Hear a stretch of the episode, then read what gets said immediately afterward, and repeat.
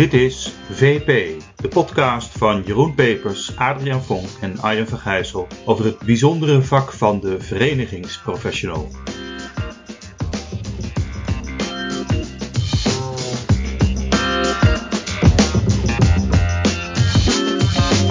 Dag luisteraars, hartelijk welkom in weer een nieuwe aflevering van onze podcast waarin we vandaag spreken met iemand uit de advieswereld. En dat is niemand minder dan Paul Stamsnijder, partner van de Reputatiegroep. Uh, een schrijver ook, auteur van een heel rijtje boeken, waaronder Stakeholder Management en Purpose. Welkom Paul. Dankjewel, ik word er helemaal enthousiast van door jouw uh, hartelijke woorden Arjen. Ja, hey Paul, jij hebt die Reputatiegroep zo'n beetje 13 jaar terug, zeg ik dat goed, opgericht. Klopt, ja. Was het, wat was toen het gat in de markt wat je zocht of vond? Eigenlijk was het een heel simpel idee. Uh, waar ga je naartoe als je een reputatievraagstuk hebt in Nederland?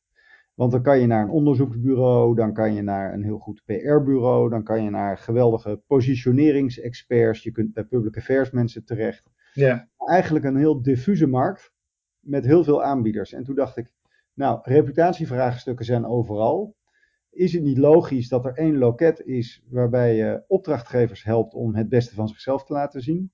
En aan de andere kant waar collega's de ruimte krijgen om uh, de tanden te zetten in de meest complexe reputatievraagstukken. En ja, met de wijsheid van nu durf ik te zeggen dat het een goed idee is geweest. Want dat ging meteen vliegen. Nou, dat ging meteen vliegen. In die zin wel heel veel verschillende vraagstukken, waarbij uh, wel direct ook werd herkend en erkend van uh, reputatie staat bovenaan de agenda bij bestuurders. Ja. Um, en tegelijkertijd, ja, een bureau bouw je natuurlijk heel rustig op. Uh, een kleuter stuur je niet zomaar naar de universiteit, om het maar zo te zeggen. Dus je hebt ook gewoon tijd nodig om te ontwikkelen en te ontdekken. Ben je ook uh, veel bezig geweest met verenigingen? Ja, veel ja? voor branches, koepelorganisaties, beroepsverenigingen. En eigenlijk altijd vanuit het idee dat zij ook vaak de, de, de, bijna de portefeuillehouder zijn van het fenomeen reputatie. Omdat ja, de individuele spelers die zijn onderdeel van de soort. Maar wie gaat er dan over de geloofwaardigheid van de, van de soort, om het maar zo te zeggen. Dus, van de uh, sector als geheel. Ja, ja van, de, van de sector als geheel. Mm -hmm. en, en tegen die achtergrond ook altijd wel gezocht naar ja, wat werkt nou wel, wat werkt nou niet. Uh, waarbij er soms een, een negatieve aanleiding was. Dus dan was er bijvoorbeeld een sector die in opspraak kwam omdat er zwakkere spelers waren. Nou, dan krijg je natuurlijk het effect van dat de goede onder de kwade leiden. Dat hebben we bijvoorbeeld gezien in de bankaire wereld. dat hebben we denk ik in zekere zin toch ook gezien in de corporatiesector. Waar de associaties met, met een Maserati en een, een heel groot schip eigenlijk een heleboel spelers en vooral bestuurders in de corporatiesector wel wat parten speelden.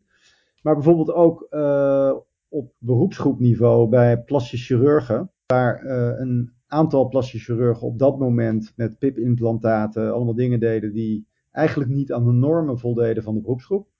En die hebben toen ook gezegd, ja, daar moeten we wat mee. Ja, wat je eigenlijk ziet is dat in veel sectoren ook wordt gezegd, ja, je moet een unieke positionering hebben. Je moet anders zijn dan de rest. En tegelijkertijd geldt nou juist op dit vlak, als het gaat over reputatie, als er bij de buren ellende is, dan heb je daar zelf ook last van. Dus bijvoorbeeld in de bankaire wereld, nou, uh, in eerste instantie werd door de kredietcrisis Rabobank wat minder geraakt. En uh, vervolgens uh, was ABN AMRO de klos en die, die waren aan de beurt. En had de Rabo daar last van in hun reputatiemetingen. En andersom, toen die discussie loskwam rondom LIBOR, toen had uh, uh, ABN AMRO daar wel last van. Dus dat is ook wel eigenlijk een pleidooi om heel goed samen te werken. Op de dossiers waar het kan. En Paul, want je gaf, in het begin zei je net van, joh, met de wijsheid van nu is het een goed idee geweest om te starten. Maar waren er in het begin dan, dan twijfels over? Of anders gezegd van, joh, is dit nou een, een, thema, het werk aan reputatie, die positionering, wat, wat helemaal in de lift is gekomen? Ook vanwege de incidenten die ja. je noemde? Of, of is het. Ja, ja nou, ook, als, uh, uh, ook als ondernemer. Kijk, laat ik het zo zeggen: er is altijd uh, ook iets wat je niet wil en er is iets wat je wel hoopt. En la, la, laat ik beginnen met het positieve: dat er bijna geen bestuurders zijn in Nederland die niet bewust zijn van het feit dat reputatie ertoe doet. Nou, of het nou een, een, een, branche of een koepelorganisatie is of een individuele organisatie. Velen zijn links en rechtsom toch bezig met hoe zorgen we voor draagvlak onder onze stakeholders, hoe positioneren we ons, En hoe laten we het beste van onszelf zien. Dus dat is eigenlijk een heel breed onderwerp. Waarbij het heel vanzelfsprekend is dat men daar tijd, aandacht en energie en ook budget aan spendeert. Er is een andere hoek en dat is de hoek waar het uh, lijkt te gaan over um, het is reputatiemanagement. En, en dan noem ik het toch crisiscommunicatie plus, of het, gekscherend zou je het ook reparatiemanagement kunnen noemen. Ja. Uh, als je daar een praktijk op uh, bouwt, dan word je voordat je het weet de wrakkencentrale van de BV Nederland. En dat is wel mijn zorg geweest. Zoek vooral uh, het gesprek met degene die willen en die er op een goede manier werk van maken. Maar als je alleen maar uh, opdrachtgevers met een vlekje hebt, ja, daar word je uiteindelijk ook niet vrolijk van. En je werkt dan alleen maar vanuit een soort defensieve houding. En dat wil je natuurlijk ook niet. Nee, maar de aanleiding, zei je dus, was vaak wel dat er dus iets aan de hand was. Dat men zich zorgen nou, over de reden. Ja, nou, de, wat je eigenlijk vaak ziet als je de analyse maakt van waarom is het onderwerp belangrijk, dat heeft heel, veel te maken met hoe kijkt de buitenwereld uh, naar uh, de organisatie. Wat, wat speelt daar binnen? En heel vaak gaat het over veranderende verwachtingen. En dat is wel mijn ontdekking geweest uh, door de jaren heen. Van, daar komt ook dat, die inzet op stakeholder management vandaan. Van kijk, stakeholders zijn toch kritischer dan, nou, laten we het zo zeggen, een generatie geleden. Ze hebben meer, ze hebben meer beïnvloedingsmiddelen. Er wordt natuurlijk veel gesproken over radical transparency. Er wordt veel gesproken over de license to operate, om twee uh, Engelse termen uh, kort achter elkaar te noemen. Maar eigenlijk het idee van je moet je reputatie verdienen, want de buitenwereld kijkt iedere dag kritisch mee. Nog los van het feit, hoe zien je eigen medewerkers dat? En tegen die achtergrond is het wel uh, een reden waarom wij het eigenlijk nooit over reputatiemanagement hebben. Omdat dat suggereert dat er een soort truc is die je uithaalt van nou, als u deze afvinklijst, als u die heeft ingevuld, dan komt het wel goed met uw reputatie. Maar het is natuurlijk de kunst van hoe oefen je nou positieve invloed uit. Maar het algemene gegeven is dat de communicatierol en de impact van communicatie, die wordt heel vaak overschat.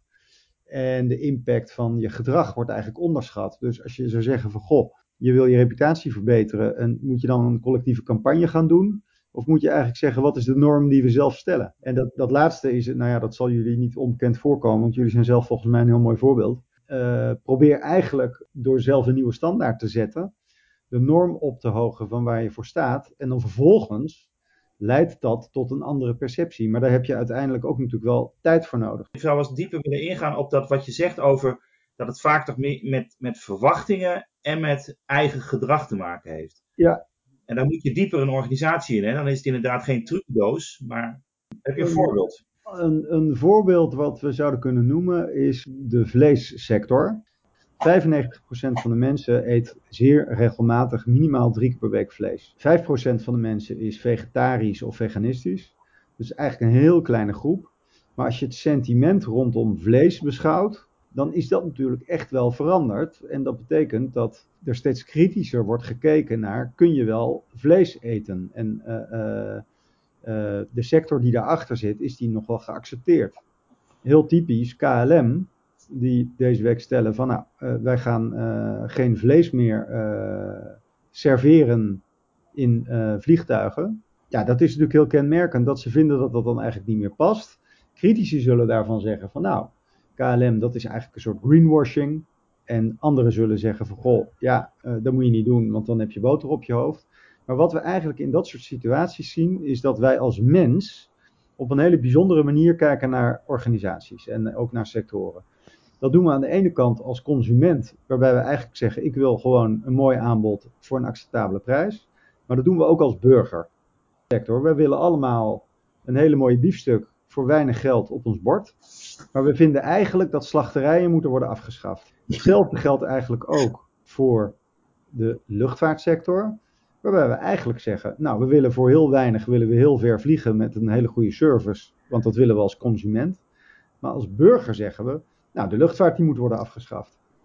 En waar we dus ons vaak in vergissen, is dat uh, uh, de burger die wordt steeds mondiger.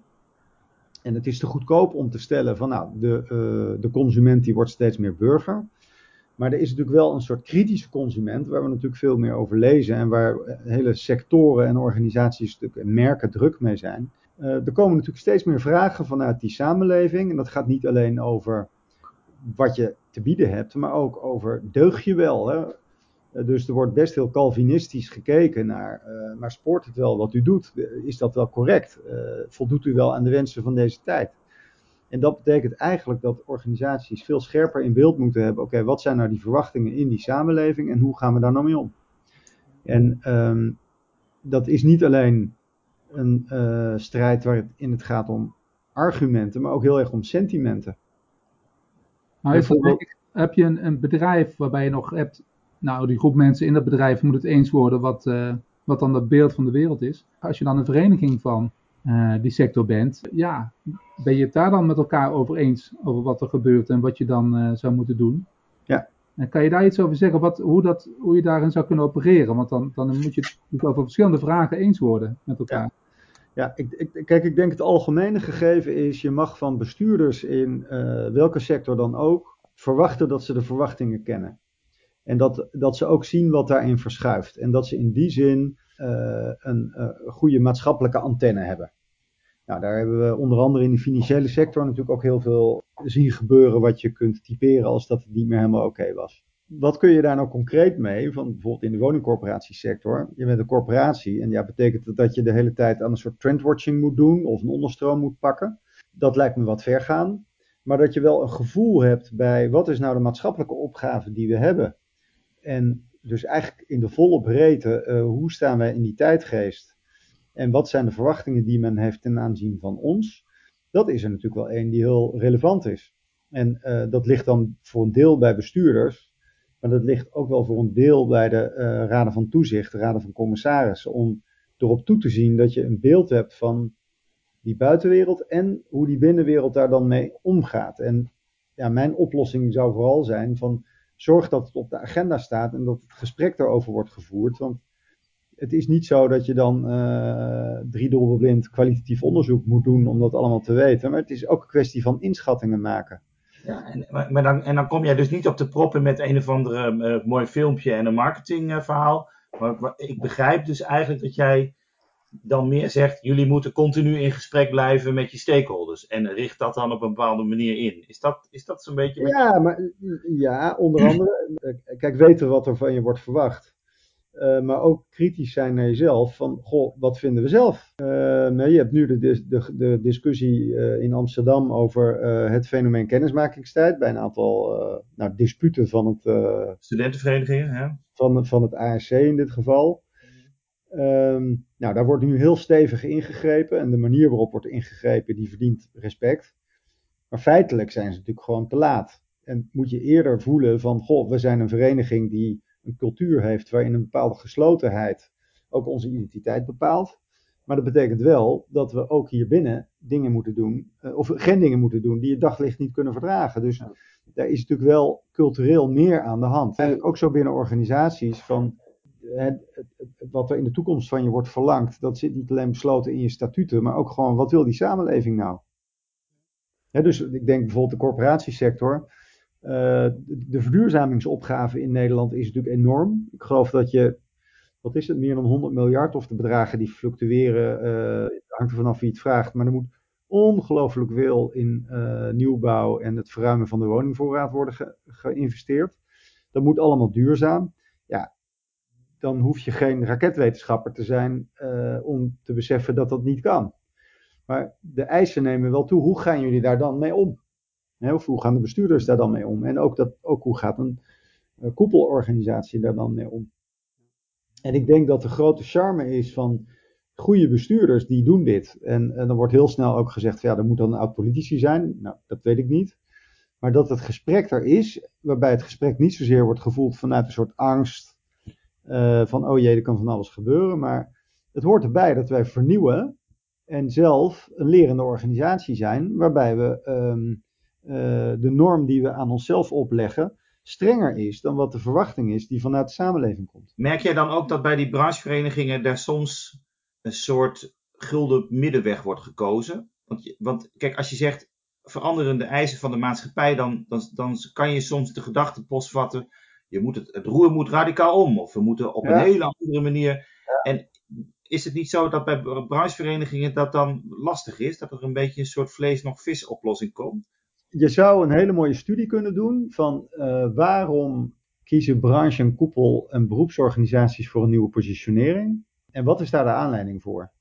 Om een voorbeeld te noemen, de VNCI, de, de uh, koepel van uh, chemiebedrijven, die hebben, nou dat is denk ik al in de jaren 80, 90 geweest, naar aanleiding van de Exxon Valdez en een aantal rampen en, en mispercepties over chemie. Dat werd gepercipieerd als smerig, vuil, duur, verontreinigend gezegd van ja, maar chemie is eigenlijk overal. En dat betekent dat we veel meer op innovatie moeten gaan zitten, op verduurzaming moeten gaan zitten. En met koplopers als onder andere DSM hebben ze daar slagen in gemaakt. Maar wat ik mee probeer te zeggen, het zou best kunnen zijn dat zonder een Exxon Valdez was dat niet gebeurd. We hebben natuurlijk de bouwfraude gehad. Ja, niet heel lang daarna is, uh, heeft Bouwen Nederland de naam Bouwen Nederland gekozen. En die hebben eigenlijk veel, veel gemeenschappelijker positie gekozen. En hebben veel meer samenwerking gezocht voor, voor en met hun achterban. En nou, jullie kennen zelf denk ik meer voorbeelden waar je eigenlijk altijd ziet van waar zit de urgentie? Is er een brandend platform? Uh, dat heb je nodig om die verandering te creëren. Ja, je zegt de extra urgentie komt nog alles van buiten. Dat zeg je eigenlijk. Ja, ja dat is mijn, mijn vraag van, van kan dat dan niet zonder? Hè? Want het kan, wordt, wordt een reputatievraagstuk alleen op tafel gelegd als er een, een ramp is of een incident of... Uh, wat, wat zou een positieve impuls zijn om aan je ja. te ja, kijk, een positieve impuls is bijvoorbeeld ook als er invloeden van buiten zijn. Uh, wat we natuurlijk veel in de zorg hebben gezien. Er zijn heel veel bestuurders in de zorg gekomen van buiten de zorg. En die hebben echt enorme uh, goede invloed gehad, omdat daarmee ook wel duidelijk werd van ja, om een organisatie als een ziekenhuis op een goede manier uh, te vernieuwen en sterk te maken, ja, dat, dat hoeft niet per definitie door een oud medisch specialist geleid te worden. Uh, diversiteit van denken is daarin een ongelooflijk belangrijk. En dat vind ik eigenlijk een hele positieve. Ja, dat, is, dat is veel meer van, oké, we, we voorzien dat we andere invloeden nodig hebben en dat we groupthink moeten voorkomen. Uh, en dan ga je op een positieve manier meters maken. Ik heb helemaal niet de indruk dat dat veel gebeurt. Ik denk dat een andere sector uh, overkomen ik, de, ik vrees ook dat dat te weinig is, maar ik denk wel dat je een aantal situaties of een aantal sectoren ziet waar het wat meer gebeurt. Nou ja, je ziet de zorg dat, het, uh, dat daar redelijk goede ontwikkelingen in zijn geweest. Je ziet bijvoorbeeld in de wereld van onderwijs en wetenschap dat die daar nog minder ver in zijn. Maar Paul, Paul als ik jouw verhaal zo beluister, dan roept bij mij heel erg op van, hè, dat, dat, dat, dat bezig zijn met reputatiepositionering. Dus ook heel erg draait om gewoon menselijke common sense. Hè, in situaties, wat zou je nou eigenlijk zelf doen? Wat vind je eigenlijk zelf je normen? En uh, hoe handel je dan? En tegelijkertijd zie je zo ontzettend veel dossiers waarin dat dus misgaat. Waarin we gewoon gevangen zitten in een systeemwereld. Uh, ja, wat niet verandert. Hè? Dus neem, neem de klimaatdiscussie, neem de toeslagendiscussie. Dus en, je ziet echt wel bestuurders die dit snappen van jou. Hè? Dus dit, dit verhaal spreekt aan. Heel veel. Hè? Maar, maar waarom gaat het dan zo langzaam? Hè? Waarom doorbreken we die, die, die, die bestuurspatronen niet, zeg maar, uh, snel genoeg? Ja, de mens is hardleers. En dat, dat vereist bijna een filosofische blik van waarom dat zo is en waarom we niet leren. Heb je daar een boek over geschreven, of niet? Nou, dat, dat moet er nog komen. Ja, we hebben het volgende boek te pakken. Jullie, jullie dagen mij uit, maar, nee, maar zonder gekkigheid. Ik denk dat het echt te maken heeft met het menselijk tekort. Dat we dat gewoon niet overzien. En daarom maken we uh, weer opnieuw dezelfde fouten en gaan we weer opnieuw het wiel uitvinden. En uh, als je het hebt over de systeemwerelden die er zijn. En uh, in een van de boeken heb ik zeg maar was mijn analyse van, je hebt natuurlijk een soort, nou dat weten jullie als geen ander, je hebt een soort systeemwereld en je hebt de leefwereld van mensen. En waar het natuurlijk om gaat, is ja, heb je voeling met hoe die leefwereld eruit ziet? Wat is de realiteit? En organisaties hebben een soort, ja, dat zou je aan sociologen moeten vragen, maar er is iets systemisch waardoor die leefwereld buiten beeld verdwijnt, uit beeld verdwijnt. En dat zie je uh, heel sterk in eigenlijk de toeslagenaffaire waar de toepassing van de wet uh, en uh, de regelgeving zo streng is geweest dat daarin de kwetsbaarheid van een aantal gevallen onvoldoende is beschermd. In combinatie met het feit dat er ook een aantal keren gewoon echt fraude is gepleegd. Laten, we ook daar niet, laten we dat ook niet onvermeld houden. Maar wat wel helpt in de discussies hierover is: goh, wij zitten in de systeemwereld, maar begrijpen we die leefwereld nou eigenlijk wel?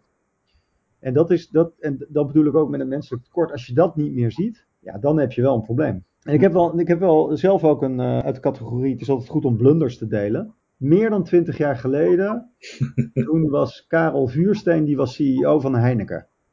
En ik was uh, een uh, jonge, vrolijke adviseur bij, bij een bureau dat zich ook met reputatie bezighield. En met een aantal collega's werden we gevraagd van, door het grote Heineken, hoe zorgen wij ervoor dat wij een betere reputatie krijgen. En uh, nou, wij natuurlijk helemaal opgewonden. Uh, PowerPoint slides maken, mensen interviewen, analyseren uh, en een strak plan maken. Waarbij eigenlijk wij uitkwamen op de kern van ja, het klinkt nu allemaal reuze simpel zoals ik het zeg, maar dat was toch wel een beetje. Je moet laten zien dat je niet alleen een heel mooi bier bent, maar dat je ook een heel mooi bedrijf bent. Kortom, positioneer Heineken als bedrijf dat ook teruggeeft aan de samenleving. Dat was ook de, de tijd van MVO. En in uh, het benoemen van bewijslast uh, was een heel belangrijk thema toen. Uh, dat AIDS op dat moment was natuurlijk nog een, echt een hele grote ziekte.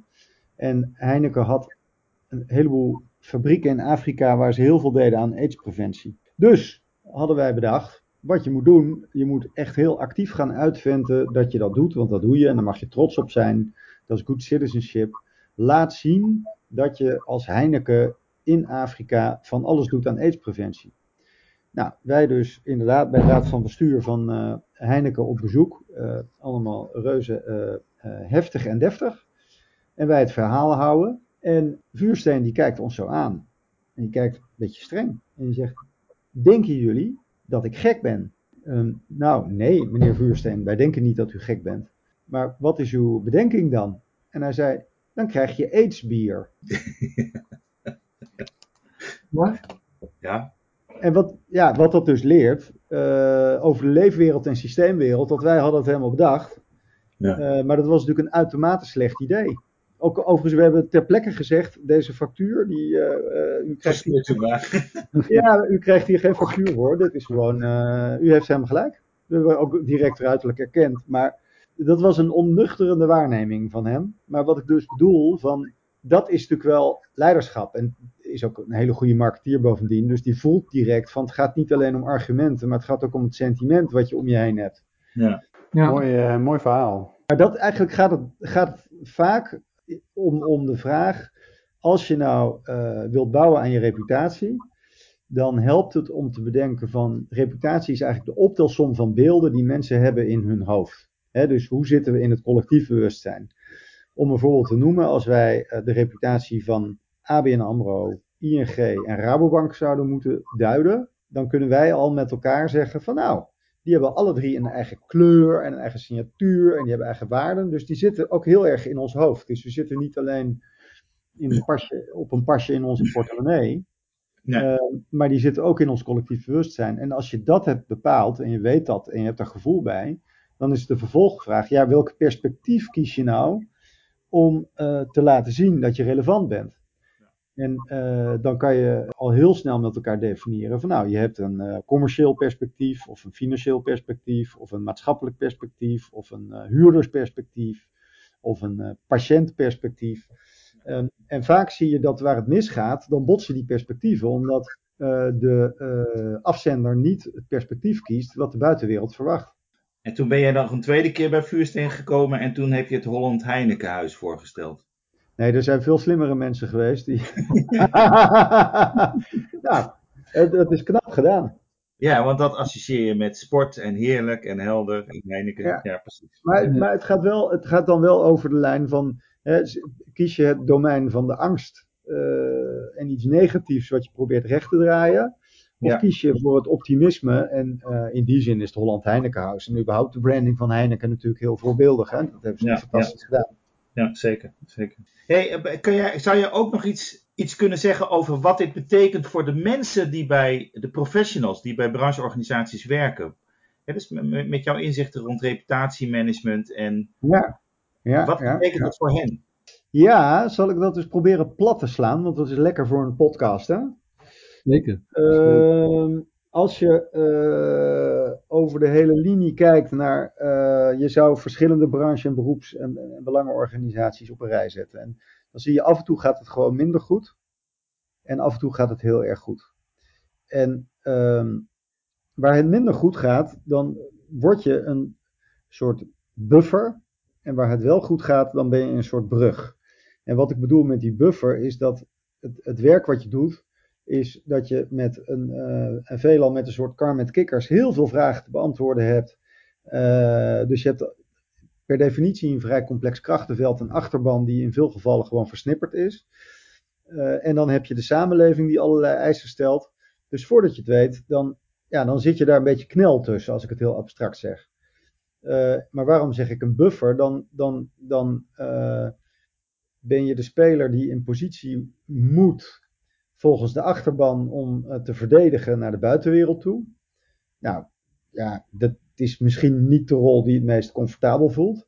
En wat ik bedoel met brug is dat de verbinding zoeken en in die zin er niet zozeer tussen gaan staan, maar ja, situatieafhankelijk positie kiezen richting je achterban en richting die samenleving, ja, dat vereist wel een ongelooflijk stevige ruggengraat. Het is echt moeilijk, want je bent niet een klantgerichte organisatie, maar mensen stellen zich wel op als klant.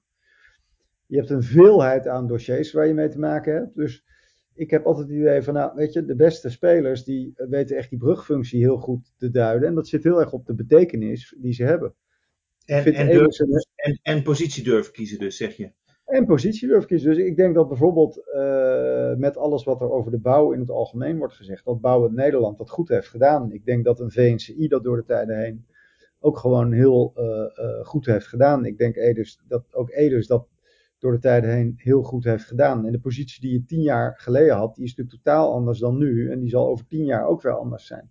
Dat het gevaarlijk is als je tot een soort ja, te dienstverlenende houding, uh, in een te dienstverlenende houding schiet. Want dan word je een beetje serviel en dan gaat het alleen maar over de inhoud van de dossiers. En dat is allemaal ontzettend belangrijk, maar het gaat ook om het betrekkingenniveau, hoe je... Maar met elkaar uh, een verhaal maken, zeg maar, of een idee uitvinden. Ja. ja. Maar dat je die brugfunctie, dat die twee kanten op werkt. Hè? Je kan natuurlijk uh, richting de samenleving vertellen wat, wat er nodig is in een sector, maar... Ja, je moet ook tegen je leden kunnen vertellen van uh, luister je wel voldoende naar die uh. Het is dichtbij zijn, maar ook wel afstand houden. Want als je het goed doet, en ik denk dat jullie daar wel voorbeelden van kennen en misschien zelfs ook wel zijn, is dat als het goed is, stelt een brancheorganisatie ook wel een wat uitdagende norm. Het is even het voorbeeld van, uh, dat is dan een beroepsorganisatie, dat is de Nederlandse Vereniging van Plastisch Chirurgen. Die hebben in 2009, 2010 met, met het gedoe rondom PIP-implantaten en alles wat erbij hoort. Toen hebben ze eigenlijk gezegd: het grote probleem is dat het normatieve kader waar een plastisch chirurg aan moet voldoen, is niet helder. En die hebben gezegd: we gaan een beroepscode ontwikkelen. En met die beroepscode gaan wij ook uh, leden die daar niet aan voldoen, die gaan we daar uitzetten. En dat, dat, dat, dat is best uh, contrair aan, uh, nou, we moeten gewoon een leuk blaadje maken en uh, een congres ieder jaar. Of leden, zegt u het maar, ja. Maar dan zit toch, hè, als het gaat over license to operate, dan als ik dat dan van die plastisch chirurgen hoor, dan, dan heb je een license to operate wat je naar de klanten van plastisch chirurgen doet. Hè. Je doet het op een nette manier. Dat is, dat is een license to operate, maar er zit blijkbaar ook een license to operate richting je verenigings collega's. Ja. Dat, je, dat je daar ook zegt, uh, niet alleen A zegt, maar B doet. Ja. Dat, dat is, maar dat zijn twee licenses. Hè? Dus dat, ja. dat, ja, die is, dat, dat maakt het ook zo ontzettend, zo ontzettend lastig. Hè, kijk, de uh, Nederlandse Vereniging van Banken vind ik wel een mooi voorbeeld. Uh, die niet de makkelijkste achterban hebben. Zwaar concurrerend en ook echt wel enigszins in de kreukels de, de, de laatste jaren. Maar die hebben ook wel geprobeerd om veel meer normstellend op te treden richting uh, hun uh, leden. Achterban, ja, precies. Ja, dus wat afstand nemen ten aanzien van de eigen achterban. Van, wij willen ook wel heel goed. Als wij niet enige afstand houden van jullie, dan zijn we te ver van de samenleving. Dus wij moeten ook vooral bij jullie op de agenda zetten wat die samenleving wil. Nou, en dat, dat is het leed van een goede brancheorganisatie. Maar als je dat goed doet, dan kan je natuurlijk heel veel impact hebben. En dat, dat brengt me terug op het punt van hè, mensen die bij brancheorganisaties werken. Dat is natuurlijk eigenlijk een super mooie rol. Omdat je ja, uh, in meerdere keukens mag kijken en tegelijkertijd ook kunt de gemeenschappelijke norm daaruit zou moeten kunnen halen. Dus competentie, stevigheid is wel gewenst. To put it mildly.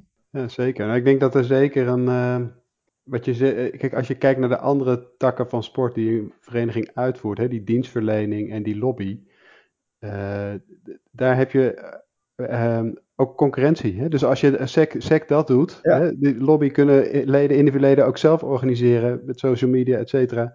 Dienstverlening. Ja, Arjen, uh, jij denkt daar anders over, maar ehm, als, zeg maar die, die, die, precies wat jij nu aansnijdt, hè, dat gesprek over van wat vinden we eigenlijk maatschappelijk relevant, wat, wat voegen wij toe, zeg maar, uh, en hoe denken wij over ontwikkelingen en wat betekent dat voor ons handelen? Weet je, dat soort wezensvragen ja, ik denk dat dat echt een heel mooi aanknopingspunt is voor verenigingsprofessionals om, om na te denken van ja, hoe geven we dat dan een plek in ons werk? Nee, jij bedoelt, eh, Adriaan, dat is echt wel een, een unique selling point voor een sectororganisatie om dat te doen. Ja, ja om dat te doen, precies. dus ik, ik, vind het ja. heel inspirerend en, en ik denk dat onze luisteraars daar echt over na kunnen denken van ja, doen we dat voldoende? Hè? Voeren we dat soort gesprekken met onze leden? Hoe kunnen we dat soort gesprekken met ons bestuur uh, is, is gaan, gaan voeren de komende tijd? Kijk, wat, wat, ik, wat ik een mooie vind in, in, het, in, uh, in, in, die lijn, hè, van wat is nou de gemeenschappelijke norm die je kunt stellen? Want er wordt heel snel dan gezegd, ja, je moet leiderschap en verbindend leiderschap. Nou, voordat we het over bestuurscultuur en nieuw leiderschap gaan hebben. Maar dat is natuurlijk een hele interessante discussie. Van hoe doe je dat nou? En dat moet niet alleen op de, de, de wettelijke normen die er voor de hele sector gelden, maar ook moreel uh, en dat wordt heel snel een soort Calvinistische discussie. Hè? Dan komt, uh, voordat je het weet, gaan we het over normen en waarden hebben. Maar dat is een hele goede discussie. Van hoe kunnen we ervoor zorgen dat we eigenlijk voorkomen dat we politiek gedoe krijgen of juridische kwesties aan de broek krijgen. Door bovenwettelijk onze norm te nemen. Ja, ja. moreel kompas. Dat is inderdaad iets wat je ja. van tijd tot tijd binnen een vereniging zich opdoet hè, aan, de hand van incidenten, maar wat je ook eigenlijk gewoon continu bij jezelf eigenlijk moet aanboren. Het kabbelt hier te veel, we moeten daar eens over hebben, jongens. Ja, precies. Mooi, uh, Paul. Ik, ik, ik, ik, ik wil jou toch nog de gelegenheid bieden om misschien nog een laatste punt te maken. Dat je zegt van, goh, nou praat ik met, met, met vertegenwoordigers van brancheverenigingen en ze hebben me helemaal niet dit of dat gevraagd. Is er iets wat jij nog kwijt zou willen bij ons? Ik denk dat wat echt heel belangrijk is, en dat, dat zit vervat in het kleine zinnetje samenwerken is het nieuwe concurreren. Dat de neiging om relatief klein te denken van oh jee, ik geef geen kennis weg of uh, ik uh, ga vooral voor mijn eigen positie. Dat is redelijk oud denken. En uh, er is zo'n mooie mantra van hè, als je groot denkt, dan maak je problemen kleiner. En als je klein denkt, dan maak je problemen groter. Kijk echt waar, waar je uh, de gemeenschappelijkheid hebt. Want zoals Joop den Uyl zei, er is meer wat ons verbindt dan, dan wat ons anders maakt. Dan kom je ook in het goede gesprek met elkaar. En ik denk dat dat ook het gesprek is wat door de goede verenigingen echt wordt gevoerd. En als je daarin slaagt om die betekenis te geven en dat, je noemde het al, het verhaal te leven. Ja, dan, dan word je een bron van positieve energie. En dan ga je de goede kant op. Hartstikke goed. Dankjewel voor deze wijze woorden. En ik wil je hartelijk danken voor dit gesprek. Zeer interessante inzichten. En voor de luisteraar zeg ik bedankt voor het luisteren en tot een volgende keer.